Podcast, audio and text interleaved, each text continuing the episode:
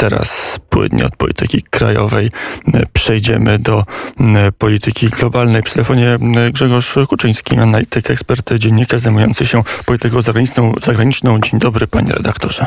Witam, dzień dobry.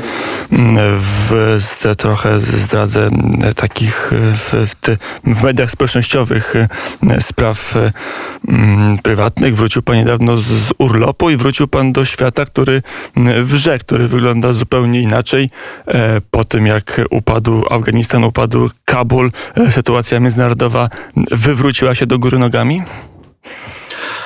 Czy no, trudno mówić o tym, żeby się sytuacja międzynarodowa wywróciła do góry nogami. Niewątpliwie jednak y, mamy tutaj do czynienia z y, dość poważną porażką y, Stanów Zjednoczonych, ale też, też całego Zachodu, bo, bo nie ukrywajmy, że mimo tej mm, kluczowej roli Stanów Zjednoczonych Ameryki w, w Afganistanie przez ostatnie e, dwie dekady, no to jednak, jednak y, Polska również, inne kraje NATO też w tym uczestniczyły i, i tak naprawdę to jest y, no, nasza wspólna jednak porażka, cały ten Afganistan. Natomiast niewątpliwie jednak tutaj y, głównym problemem jest to, w jaki sposób jak szybko te władze wspierane przez Stany Zjednoczone, przez Zachód upadły i niewątpliwie jest to wielka, poważna, wizerunkowa porażka właśnie administrację Joe Bidena, bo oczywiście e, no, zwraca się uwagę, że, że o tym, żeby wycofać stamtąd wojska, no to już zdecydowała poprzednia administracja Donalda Trumpa. To prawda, natomiast no, sposób, w jaki to zrealizowano, e, no, powoduje, że, że to.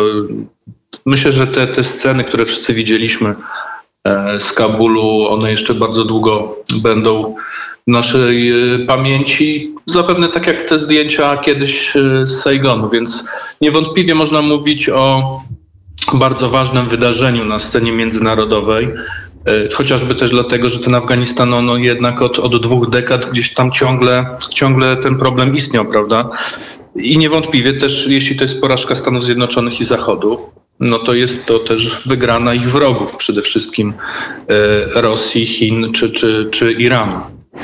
E, na ile jest tak, że te sceny, które widzieliśmy w poniedziałek, w niedzielę, teraz na lotnisku międzynarodowym w Kabulu, e, sytuacja stała mniej więcej opanowana. E, na ile one na trwale obniżą rangę Stanów Zjednoczonych, obniżą zaufanie świata, zwłaszcza sojuszników USA do, i do administracji Białego Domu i do tego mocarstwa jako takiego?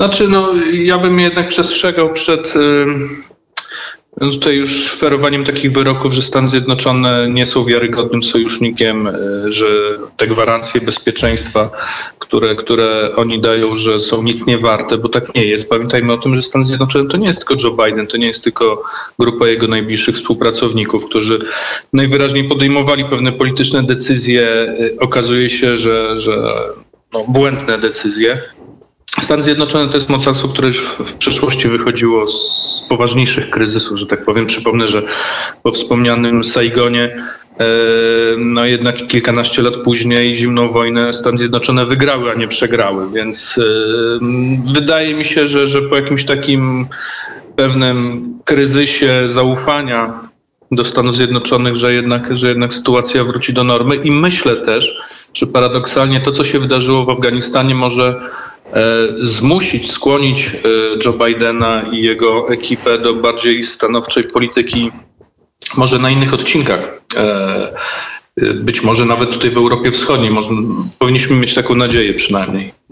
A z drugiej strony, jak się słuchało wystąpienia e, Joe Bidena w poniedziałek późnym wieczorem czasu polskiego, to, to można było czytać, że, że jakby Stany dość przynajmniej ustami swojego prezydenta e, trochę abdykowały z roli światowego policjanta, nie po raz pierwszy zresztą w swojej historii. To te słowa o działaniu spoza horyzontu, o tym, że Stany nie będą angażować się w te kraje, które same nie chcą się bronić. Trochę to brzmiało tak, że jeżeli ktoś nie wykaże sam własnej woli, to nie ma co na Stany liczyć. No i pojawia się pytanie, czy hipotetyczne pytanie, jeżeli Rosja zaatakuje, dajmy na to Łotwę albo Estonię, albo Litwę przez Białoruś, to czy nagle Biały Dom nie stwierdzi, no ci Litwini nie dość mocno się bronili, czy ci Łotysze albo Estończycy nie dość żarliwie, nie dość, nie, nie za mało ofiar było w tej wojnie, żeby Stany się zaangażowały, nie wykazały się siłą woli. No, znaczy ja przypomnę, że może innymi słowami, ale to samo mówił y, Donald Trump, kiedy, kiedy y, przypomnę kwestię wydatków na obronność. E, więc. Y, I wtedy tutaj... media liberalne drżały w posadach i mówiły o końcu NATO i, o, i o końcu systemu sojuszu.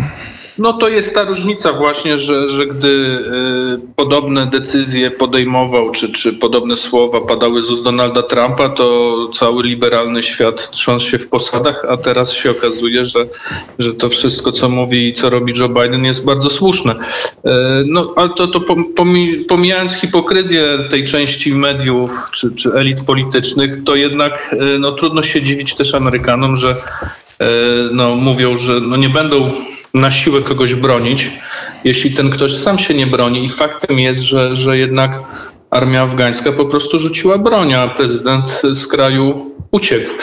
E, inna rzecz, inna sprawa, dlaczego tak się stało, dlaczego po 20 latach obecności amerykańskiej w Afganistanie, w pompowaniu tam bardzo dużych pieniędzy, e, szkoleniu tych, tych ludzi w Afganistanie, E, za, zaopatrywaniu ich w nowoczesne uzbrojenie tak szybko ulegli talibom.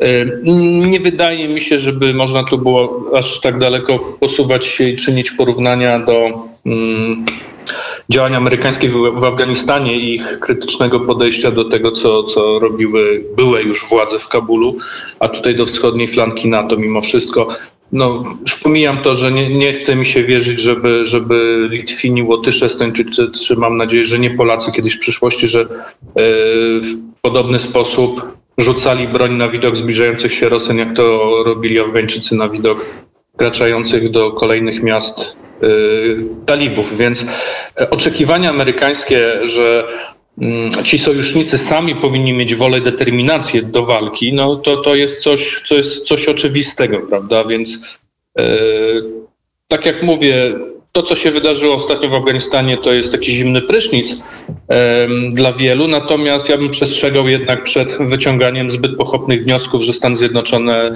e, już nie są żadnym wiarygodnym sojusznikiem i, i że te gwarancje bezpieczeństwa, które oni dają i ta obecność także militarna amerykańska na wschodniej flance NATO, że to jest nic nie warte. To, to ja bym przestrzegał przed takimi twierdzeniami, bo one są po prostu one są niebezpieczne, no i powodują, że można by zadać sobie pytanie, to w takim razie na kogo można liczyć? Oczywiście najlepiej liczyć na siebie, ale nie ukrywajmy, że, że Polska nie jest samowystarczalnym militarnie y, krajem i na przykład w pojedynkę, czy nawet z innymi krajami tutaj w regionie wspólnie też jest dużo słabsza od Federacji Rosyjskiej, więc tak czy owak w pewnym sensie jesteśmy na sojusznika amerykańskiego skazani, co nie oznacza, że nie powinniśmy pewnie teraz bardziej realistycznie podchodzić y, do tej współpracy, do tego sojuszu. Grzegorz Kuczyński przy telefonie Radia Wnet mm, e, bardziej realnie do sojuszu podchodzić. Co to znaczy? Na ile w tej chwili Warszawa, nie tylko Warszawa, Bukareszt, e, państwa bałtyckie, na ile powinny mm, rewidować swoje polityki obronnościowe, swoje strategie obrony w naszym rejonie, strategii obrony przeciwko Rosji? Znaczy, no tutaj Polska pewne, pewne kroki w tym kierunku poczyniła. Mówię chociażby o zakupie uzbrojenia. No, jak mam zrewidować ewentualnie, czy bardziej realistycznie podejść do relacji sojuszniczych ze Stanami Zjednoczonymi? No, skończyć z jakąś taką polityką um, absolutnego um, stawiania tylko i wyłącznie na ten kraj, jeśli chodzi chociażby o kwestie zbrojeniowe. Przypomnę, że, że Polska jednak um, będzie miała drony bojowe produkcji tureckiej, więc to jest też dobrym kierunku i generalnie też w sferze politycznej, nie tylko militarnej bezpieczeństwa. Y, jeśli Stany Zjednoczone oczekują od sojuszników pewnych rzeczy, to ci sojusznicy Stanów Zjednoczonych też mogą y, czegoś oczekiwać. Pamiętając oczywiście o tej różnicy potencjałów, więc y, tak czy owak Polska, Rumunia czy jakieś inne kraje flanki wschodniej, no one nie są na równej pozycji ze Stanami Zjednoczonymi i to nie jest pod pewnymi względami równoprawny sojusz. Tutaj nie ma się co oszukiwać. E, więc myślę, że, że to bardziej o to chodzi, żeby, żeby ta polityka nie była. Czasami się mówi o polityce na kolanach. No, nie wydaje mi się, że w przypadku Polski to była polityka na kolanach, natomiast niewątpliwie e, można bardziej e, zdecydowanie bronić swoich interesów, czy to bezpieczeństwa, czy politycznych, czy ekonomicznych, także we współpracy, w relacjach z takim głównym strategicznym sojusznikiem, jakim są Stany Zjednoczone.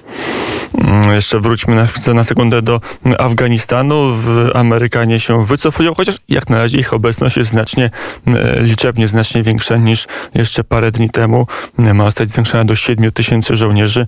Jeszcze parę dni temu to było 3 mm, tysiące, trochę więcej niż 3 tysiące. No ale najprawdopodobniej w najbliższych tygodniach Amerykanie wojskowo opuszczą Afganistan. Kto wejdzie w ich miejsce? Znaczy, no nie wydaje mi się, żeby ktoś wchodził w ich miejsce. E, tutaj talibowie nikogo nie wpuszczą na takiej zasadzie, jak, jak poprzedni rząd e, no, wpuścił Amerykanów, znaczy nie tyle wpuścił, bo to dzięki Amerykanom on w ogóle powstał po, po upadku tego pierwszego Talibanu. Więc tutaj talibowie e, będą prowadzić na pewno jakąś niezależną politykę, umocnieni jeszcze tym właśnie oszałamiającym blitzkriegiem i tym zwycięstwem nad, nad siłami w Kabulu, ale też jednocześnie no, zwycięstwem nad Zachodem w pewnym sensie. E, więc tutaj militarnej obecności jakoś nie przewiduje, żeby tam na przykład Rosjanie się pojawili, Pakistańczycy czy Chińczycy, natomiast niewątpliwie oni będą politycznie e, próbowali e, umocnić tam swoje wpływy i, i będzie bardzo interesująca teraz rywalizacja pomiędzy Moskwą, Pekinem, Islamabadem czy, czy, czy też Ankarą właśnie E, w tym nowym e, islamistycznym Afganistanie i warto to śledzić. Zresztą, no, jeśli mowa o Rosji czy, czy o Chinach, no to oni już od dłuższego czasu rozmawiali z talibami, więc tutaj żadnego zaskoczenia nie ma, aczkolwiek na pewno e, chyba tutaj najmocniejszą pozycję będzie miał Pakistan ze względu na, na, na, na długą tradycję wspierania talibów i te powiązania chociażby pomiędzy służbami specjalnymi pakistańskimi a, a bojownikami islamskimi w Afganistanie. Mm, a z drugiej strony mówi się mm, o Chinach, mówi się o wielkich inwestycjach, o tym, że mm, teraz Chiny będą mogły e, dobrać się do potężnych zasobów naturalnych Afganistanu.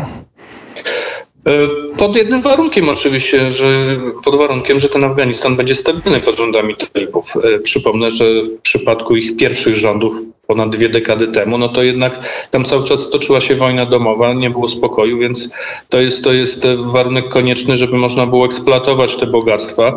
Natomiast e, też nie jest powiedziane, że tutaj tylko Chińczycy będą dominowali w tych kwestiach. Przypomnę, że jest chociażby być może teraz ruszy z kopy też tak powiem, projekt gazociągu łączącego Turkmenistan z Indiami, który ma przebiegać przez Afganistan, więc tutaj są różne możliwości gospodarcze. Natomiast i tak pewnie tutaj jednak talibowie przede wszystkim postawią na eksport narkotyków jako takie jedno z głównych źródeł e, dochodów. Mm, e, to, co się wiąże z upadkiem Afganistanu bezpośrednio e, dla Polski, to fala uchodźców. Mm, już się prognozuje, że mm, z Afganistanu uciekną setki tysięcy, a może i miliony e, ludzi. Mówi się, że Białoruś będzie zainteresowana, aby tych ludzi szybko dostarczać na granicę białorusko-litewską, białorusko-polską i że sceny, które widzieliśmy w roku 15 na Węgrzech czy, czy w krajach południa Europy, szlak bałkański, szlak przez Morze Śródziemne teraz staną się naszą rzeczywistością? No to zagrożenie na pewno teraz y, wzrośnie, tym bardziej, że biorąc pod uwagę dobre relacje jednak Moskwy z talibami, y, to tutaj, tutaj może dojść do pewnego rodzaju obopólnie korzystnej współpracy pomiędzy, nie wiem, Łukaszenką i Putinem a talibami. W tym sensie, że sami talibowie też pewnie w ich interesie jest pozbyć się pewnej liczby takiego no, ludzi, którzy, którzy są ich przeciwnikami, nie chcą żyć pod e, rządami właśnie, nie, nie chcą żyć w e, Emiracie Islamskim Afganistanu, więc a z drugiej strony taki Putin czy Łukaszenka, tak jak pan redaktor wspomniał, będą chcieli wykorzystać taką żywą ludzką siłę do, do osłabienia Unii Europejskiej i do wywołania nowego kryzysu migracyjnego w Europie, tym razem już nie na tym odcinku południowym, nie na froncie południowym, ale właśnie tutaj na wschodzie, więc e, być może pewnym sensie dobrze się stało, że, że Łukaszenka zaczął prowadzić taką wojnę hybrydową na granicach najpierw z Litwą, później z Polską i z Łotwą już e, jakiś czas temu, bo, bo to spowodowało, że e, no tutaj mogliśmy podjąć pewne, pewne kroki, chociażby Litwini też zaczęli w końcu zabezpieczać swoją granicę, więc w pewnym sensie no, będziemy tutaj, mówię my, ale też, też nasi sojusznicy bałtycy będziemy bardziej przygotowani na bardzo, bardzo możliwą nową falę uchodźców właśnie z kierunku wschodniego. E, to jeszcze jedno pytanie, jeżeli chodzi o mm, tych, którzy będą emigrować albo uchodzić z Afganistanu. Mm, pojawiają się już decyzje, jakie państwo, ile, mm, ilu jest gotowych e, przyjąć e, uchodźców z Afganistanu. Wielka Brytania 40 tysięcy, ale też państwa Bałkanów, Bośnia i Hercegowina chociażby też się zgłosiła. Czy Polska powinna, trochę w odróżnieniu od tego kryzysu z roku 15, przyjąć jakąś określoną liczbę faktycznych uchodźców, tych, których życie i zdrowie jest zagrożone i muszą się wydostać z Afganistanu, a, a nie do końca, nie, czy nie konkretnie byli współpracownikami polskiej armii albo polskiego wywiadu.